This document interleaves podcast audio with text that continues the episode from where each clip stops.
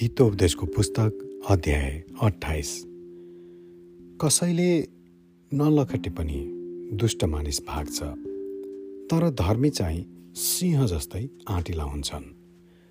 जब देश बागी बन्छ त्यहाँ धेरै शासकहरू खडा हुन्छन् तर समशक्ति भएको ज्ञानी मानिसले अमन चयन कायम राख्छ। गरिबमाथि थिचोमिचो गर्ने शासक अन्न एउटै नराखी नाश पार्ने मुसलधारे वर्षा जस्तै हो। व्यवस्था त्याग्नेहरूले दुष्टहरूको प्रशंसा गर्छन् तर व्यवस्था पालन गर्नेहरूले तिनीहरूको विरोध गर्छन्। दुष्ट मानिसहरू न्यायलाई बुझ्दैनन् तर परमप्रभुलाई खोज्नेहरूले यसलाई पूर्ण रूपले बुझ्दछन्।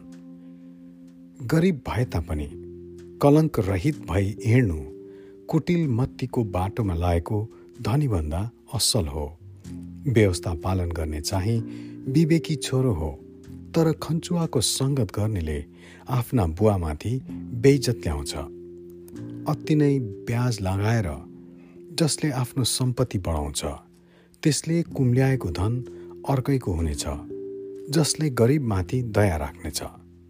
यदि कसैले व्यवस्थाप्रति आफ्नो कान बन्द गर्छ भने त्यसका प्रार्थनाहरू समेत घृणित हुन्छन्।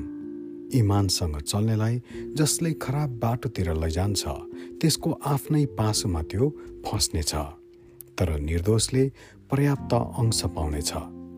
धनी मानिस आफ्नै नजरमा बुद्धिमान हुन सक्छ तर विवेक भएको गरिब मानिसले त्यसलाई छर्लङ्गै देख्छ। धर्मीको विजय हुँदा ठुलो खुसियाली हुन्छ तर दुष्ट सत्तामा पुग्दा मानिसहरू लुक्न थाल्छन्। आफ्ना पापहरू लुकाउनेको उन्नति हुँदैन तर जसले ती स्वीकार गर्छ र त्याग्छ त्यसले कृपा पाउँछ। परमप्रभुसँग सधैँ डराउने मानिस धन्यको हो तर आफ्नो हृदय कठोर पार्ने मानिस सङ्कष्टमा पर्छ। गर्जने सिंह वा झम्टने भालु जस्तै असहाय मानिसहरूमाथि शासन गर्ने दुष्ट मानिस हो। निर्दयी शासकमा बुद्धिको अभाव हुन्छ। तर भ्रष्टाचारको धन घृणा गर्नेले दीर्घायु पाउनेछ। हत्याको दोषले व्याकुल भएको मान्छे मृत्युसम्मै फरार रहनेछ तर कसैले पनि त्यसको समर्थन नगरोस्। जसको हिँडाइ निर्दोष छ त्यो सुरक्षित रहन्छ। तर जसका बाटाहरू कुटिल मत्तीका छन् तिनीहरू अचानक पतित हुनेछन्। आफ्नो जमिन खनजोत गर्नेको प्रशस्त भोजन हुनेछ। तर कल्पनाको पछि दौडनेहरू दरिद्रताले भरिन्छन्। विश्वसनीय मानिसले बेसरी आशिष पाउनेछ तर धनी हुनलाई बेग्र बन्नेहरू दण्ड बिना रहने छैन। पक्षपात गर्नु राम्रो होइन तापनि एक टुक्रा रोटीको खातिर मानिसले कुकर्म गर्छ।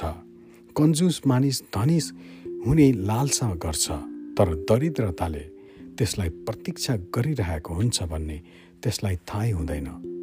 फुर्क्याउने जिब्रो भएकोले भन्दा हप्काउने मानिसले नै आशिषमा धेरै निगाह प्राप्त गर्नेछ।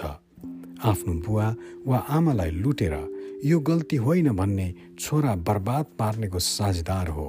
लोभी मानिसले कलह मचाउँछ तर परमप्रभुमा भरोसा राख्ने मानिसको फलिफाप हुन्छ। आफैमा भरोसा राख्ने व्यक्ति मूर्ख हो तर बुद्धिमा हिँड्ने सुरक्षित रहन्छ। जसले गरिबलाई दिन्छ उसलाई कुनै अभाव हुने छैन। तर जसले तिनीहरूप्रति आँखा चिम्लन्छ त्यसले धेरै श्राप पाउनेछ। दुष्ट सत्तामा पुग्दा मानिसहरू लुक्न थाल्छन् तर जब दुष्टको नाश हुन्छ धर्मी मौलाउँछन्। आमेन।